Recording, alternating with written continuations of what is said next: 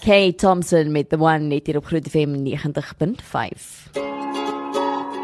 Nou goed, dit is 28 minute voor 10 en tyd vir wat jy moet weet. En vanoggend het ek natuurlik vir jou baie inligting want ek gesels met Marlene Vreislig nou, hoop ek ek het daai van reg gekry. Hoofuitvoerende beampte van Alzheimer Suid-Afrika. Goeiemôre Marlene. Goeiemôre Jennifer, lekker om te kuier.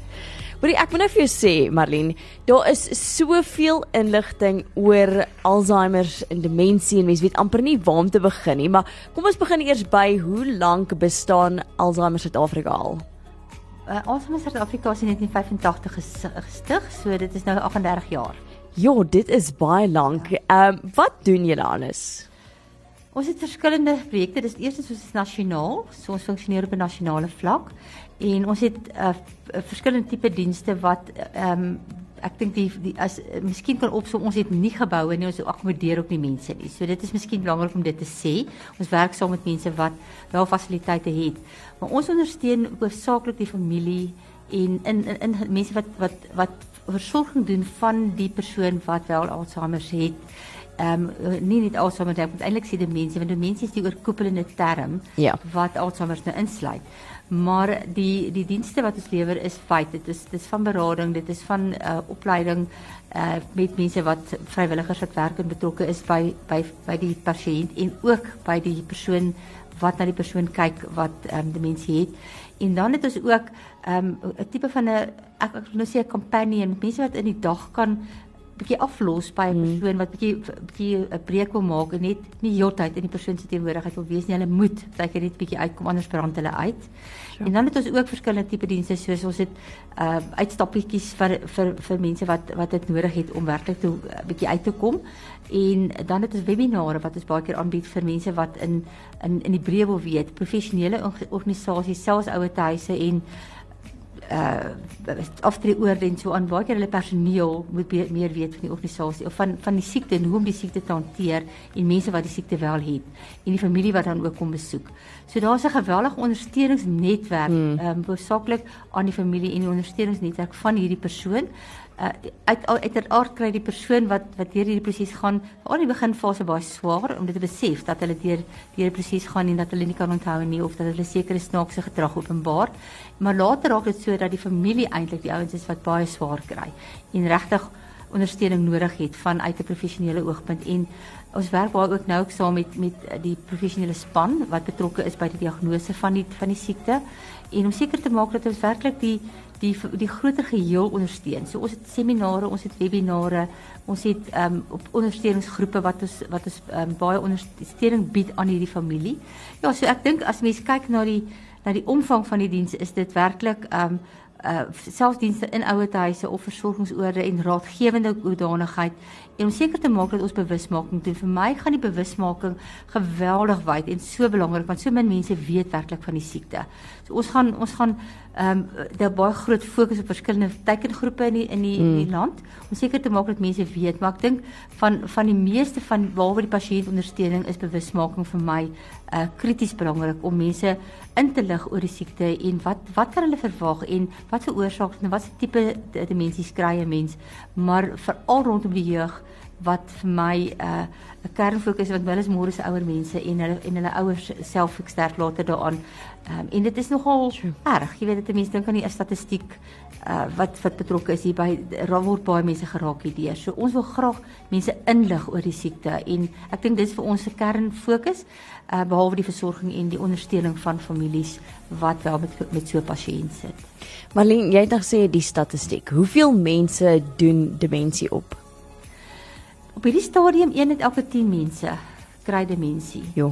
Ehm um, in op 'n nasionale op internasionale vlak is dit is hulle elke 3 sekondes word iemand gediagnoseer met die siekte. So dit is dit, met 'n ouer wordende gemeenskap waar ons dan sit. Mense word baie ouer. Dit is nie soos vroeër jare nie. Eh, medikasie speel 'n baie belangrike rol met die verlenging van mense se ouderdom, maar dit om juis omdat dit so lank ehm um, presiese mense ouer word en baie meer uh afhanklik raak van baie mense en van mediese mediese sorg, uh, is dit ook die uiteraard neem die siekte self toe ook omdat dit uiteraard vir mense baie is dit bokant 65 primêr um, gebeur, maar daar's ook vroeë partykeer 'n vroeë um, diagnose van mense wat al selfs in hulle 40's is, afhangende van die tipe demensie wat mense kry. Maar dit is baie algemeen en baie mense wat ons besef is dat baie mense vrees dit. En veral as 'n ouma 'n oupa of 'n pa 'n ma die siekte gehad het, besef hulle dat hulle daar staan is dit het ek 'n risiko is ek 'n risiko geval? Is dit moontlik dat ek dit kan opdoen? Maar baie mense wil ook nie weet nie. Sure. en ons besef dat weet hoe meer jy weet hoe makliker kan jy jou voorberei en seker maak dat jy seker um, aksies uitoefen ook om dit te vertraag. Um, en om en ook uiteraard uit te vind maar as ek as ek dit kry hoe gaan ek my netwerk en my ondersteuning vorentoe doen? Uh, wie gaan my help? Hoe gaan ek dit hanteer? En ek dink dis belangrik dat mense bewus word daarvan. Daar is my nogals skokkend dat ek nie eintlik besef elke 3 sekondes of in Suid-Afrika eenheid 10 mense nie. Dit is 'n groot aantal mense ja. en ek dink die feit dat jy sê bewusmaking wat ons vrees gewoonlik dit wat ons nie weet of ken nie, nê. Ehm um, Marien, is daar 'n sekere groepe mense, 'n sekere kultuur van mense wat meer gediagnoseer word met demensie of raak dit almal? Daar is seker daar is sekere gevalle waar dit wel oor erflik is wat ehm um, dit van wat is as as dit veral in die familielyn voorkom maar in Suid-Afrika uh mense praat baie keer van Alzheimer's maar dit in dit is eintlik is Alzheimer's nie die primêre ja. uh demensie in Suid-Afrika nie. Uh dit is wel in die eerste wêreldlande so. So vaskulêre demensie is by ons ehm um, die primêre geval wat wat uh wat wat gediagnoseer word en dis mense wat uh, wat wat stadige brein toe vloei, weet uh, bloed toe vloei na die brein toe. Mense wat byvoorbeeld ehm uh, wat met ou strook gehad het, 'n ja. bloedte gehad het. Ehm um, kopbeserings, baie mense in sport verskillende tipe sportsoorte wat kopbeserings opgedoen het wat verhoed dat die bloed regtig te vloei na die brein toe. So dis die primêre een in in in in ons land op hierdie stadium is dit die, volgens die neuroloog die belangrikste vaskulêre demensie. En dan is daar ook uh pleegsoos byvoorbeeld uh uitverwant, vervigsverwante en alkoholverwante. Alkoholverwante noem hulle ook die Korsakoff sindroom. En dan het jy ook byvoorbeeld nou uh, die Lewy bodies en jy het verskillende uh tipe byvoorbeeld pa, sekere Parkinson's disease. Omtrent 80% van mense wat Parkinson's disease het, uiteindelik uh, met kry hulle ook demensie want dit is 'n breinsiekte wat nie genees op hierdie stadium. So jy kan daar's niks wat mense kan doen om dit te genees nie. Daar's baie keer internasionale ehm um, wat is 'n navorsingsmaatskappy wat nou sê ons het 'n deurbraak uh, gemaak op hierdie goed. Want as jy kyk na die na die koste, mm. dan kos dit partykeer R20000 vir een pil. So dit is dis watter mense kan dit bekostig en dan is dit nou nog in 'n toetsfase. Dit is nog nie eers regtig uh weet wêreldwyd beskikbaar nie. So Absoluut. op hierdie stadium is daar nog geen genesing nie, maar ja, daar is daar's uh, talle soorte demensie waarvan mm. ons praat. So en op die einde van die dag ehm um, praat die meeste mense maar van Alzheimer in Suid-Afrika. En ek weet nogal in, in my in my ouma en oupa se dae het nogal gepraat van mense met verkalkte are, want ja. hulle het nog nie daai stadium 'n naam gehad vir die siekte nie. Maar ja, dit is dis dis 'n uh, wye verskeidenheid van hulle wat ek dink uh, mense moet van kennis neem en en meer van leer. So ek sal graag dit wil wil beklemtoon dat mense uh, moet lees hieroor en selfs ehm um, gaan vir ons ons webtuiste byvoorbeeld iets geweldig baie inligting of op die op die webtuiste of in op die Google, mm. van Google, maar absoluut wat relevant is tot Suid-Afrika is miskien nog belangriker want dit verskil van die res van die wêreld. Sjoe. Ons is nou weer terug gedan gesels ons verder oor hierdie baie belangrike onderwerp. This pink made to get the party started net hier op Groot FM 90.5. So 13 minute voor 10 en jy is natuurlik ingeskakel op die branch saam met my Jennifer Meiburg en ons gesels in wat jy moet weet oor demensie en Alzheimer en ek gesels met Marlene natuurlik die hoofuitvoerende beampte van Alzheimer in Suid-Afrika. Marlene, ek so bly ek kon vertel vir ons al hierdie inligting want ek dink baie mense het heeltemal 'n mispersepsie eintlik oor Alzheimer, as ek dit so kan sê. Um, ons gebruik daai terme eintlik eerder as demensie. En demensie is eintlik die sambreel term ehm um, waaronder Alzheimer en al hierdie ander siektes eintlik nou net maar val. Dis korrek, ja. Dit is so en mense en mense praat ook algemeen van Alzheimer meer as demensie. Dis hoekom Alzheimer meer bekend maar uh, ja demensie is 'n sambreel term waaronder al verskillende tipe demensies val dan. Maar en sê my watse waarskuwing tekens is daar rakende demensie? Dit is belangrik want mense sien nie altyd hierdie goed raak nie. So ek deel graag 'n paar van dit. Is een van hulle ek dink die belangrikste is die algemene onvermoë om te onthou.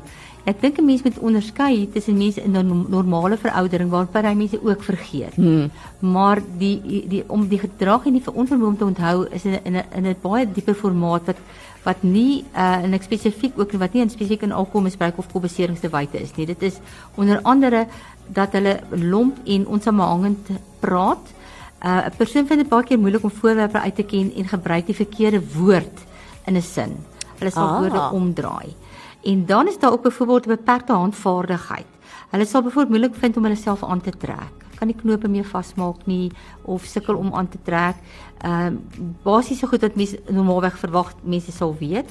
En dan higiëne is 'n baie groot ehm um, uitdaging want baie van hulle slaag nie ag op hulle voorkoms enigstens meer nie en hulle weier soms om te bad daar's weerstand om te bad. So dit beteken met jy mense ooreed om te gaan bad en baie mooi praat met hulle. En dan ehm um, is die volgende een byvoorbeeld om hulle raak baie keer baie baie erg te neergedruk. Hulle raak bang want hulle besef ook hulle daar's goed wat verander. Hulle raak baie keer aggressief want hulle verstaan ook self nie eintlik die proses waarin hulle is nie. En dan is daar buitengewone baie keer opgewekteheid. Jy weet amper teenoorgestelde van die van die neergedruktheid of hulle is baie keer net passief. Hulle wil niks doen nie. En dan is daar ook wisseling in hulle gemoedstoestand wat sonder rede plaasvind. 'n Mens kan dit baie keer nie verklaar nie, maar dit is wat families optel. En dan is daar 'n inkonsekwente oordeelsvermoë. Dit is ehm um, vreemde gedrag so, soos byvoorbeeld uh en dit kry mense dikwels ook waar onderklere bo oor gewone klere aangetrek word. Of as hulle in openbaar, partykeer is hulle ontklee hulle in openbaar. Oh. En dit maak en dit maak dit duidelik as jy so iemand sien weet jy so 'n persoon het demensie. En dan is daar byvoorbeeld ook die dat hulle baie keer verdwaal. Hulle sal as hulle by hek uitkom, sal hulle loop en hulle sal hulle sal nie weet waar om te loop, waar hulle loop nie en ook nie hoe om terug te kom nie. Hulle verdwaal net letterlik. So baie keer sal mense iemand kry wat by 'n plek selfs as hulle met 'n motor bestuur, by 'n plek opdaag en dan weet hulle glad nie van daar af om om by die huis te kom nie. So dit is 'n geweldige spanning en angs wat so 'n persoon dan deurgaan onder andere. En dan is daar die uh enige ou onbekende of bekende selfgesinslede wat baie keer in 'n later fase vergeet hierdie persoon die naam en die voorkoms of vervaag die gesig. Uh dit is dis nogal interessant byvoorbeeld my eie ma um, is op hierdie stadium met vaskulêre demensie. Sy's nou 99, so sy kan maar seker al vergeet, maar sy sal baie keer vir my vra uh met my kleinkind, wie's die ma van die kleinkind? Jy weet, so sy sy sal die kind onthou, maar sy vergeet baie keer wie's die ma van die kind. En dan is daar byvoorbeeld hulle roep byvoorbeeld vroeë ervarings op asof dit gister gebeur het. So hulle vergeet die huidige uh korttermyn goed, maar langtermyn onthou hulle baie goed. So dis as hulle terugbeweeg na hulle kinderjare en jonger jong toe hulle jonger was en dan laaste een is hulle raak baie spesieus. Hulle verdink som enige mens en beskuldig hulle van diefstal of dat hulle dinge dan steek hulle dit self weg, maar hulle kry dit nie en dan verwag hulle na iemand jy dink iemand het dit gesteel. So dit is tipiese simptome wat 'n mens kan verwag uh of waarskuwingstekens ook. Uiteraard is daar ander simptome ook wat ter sprake is, maar hierdie is die die die die primêre waar jy dit sal uitken, is hierdie waarskuwingstekens. Marlene, jy het vroeër gesê daar's geen genesing nie, dit kan nie genees word nie. So, hoe hanteer mens dit? Wat se behandeling is daar dan eintlik? Jennifer, die die belangrikste is dat mense wat as hulle agterkom dat dat hulle ouers um, of iemand wat hulle nou baie goed ken om 'n tannie hierdie simptome opgedrag byvoorbeeld openbaar om 'n persoon te kry om te geëvalueer te word deur 'n neuroloog en die persoon te vat na 'n neuroloog want hulle doen sekere toetse met hierdie persoon om dan en dit paal ook die fase waarin hierdie persoon is. So, so dit is dis dis die maklikste om dit te hoor en dan uiteraard ons het nou 120 ondersteuningsgroepe landwyd. So baie keer woon hierdie mense dan ook ondersteuningsgroepe by en hulle en mense wat die ervaring het van iemand wat deur so siekte gaan, uh hoor by die ander dan en hulle vra raad en hulle vind uit en dan is daar gewoonlik ook baie inligting beskikbaar om hierdie mense wat is dis wat regtig benoud raak oor die situasie waarom hulle by die huis sit en net 'n bietjie te kan afblaas en en net inligting te bekom en te hoor hoe koop ander mense met hierdie situasie. So dit is dit is moeilik, maar aan die begin is dit is dit beter om te gaan na vir, vir 'n formele diagnose dat 'n neuroloog byvoorbeeld so iemand kan identifiseer en sê hoe hanteer ons hierdie fase vorentoe. So daar is ook medikasie in 'n in 'n wat kan gegee word in 'n vroeëre stadium wat die siekte vertraag. Met ander woorde hy hou 'n bietjie konstant. Hy die, die veroudering en die en die siekte self neem 'n bietjie af um, in terme van dat hulle nie ehm um, weet langer kan funksioneer mm. op 'n normale vlak en op 'n normale basis. En dit is ook belangrik dat hulle dit doen en hulle moet gestimuleer word om dit wat hulle nog kan doen, te kan doen. Sure. Hulle moet byvoorbeeld as hulle byvoorbeeld nog seker goed in die kombuis kan doen, moet hulle toegelaat word om dit te doen of hulle wil nog in die tuin werk of hulle wil plantjies plant, uh, moedig hulle aan om dit te doen en gee hulle iets om te stimuleer, musiek wat vir hulle bekend is om na te luister. Want dit help om ook die veroudering en vertraging van hierdie proses te kan in toom hou.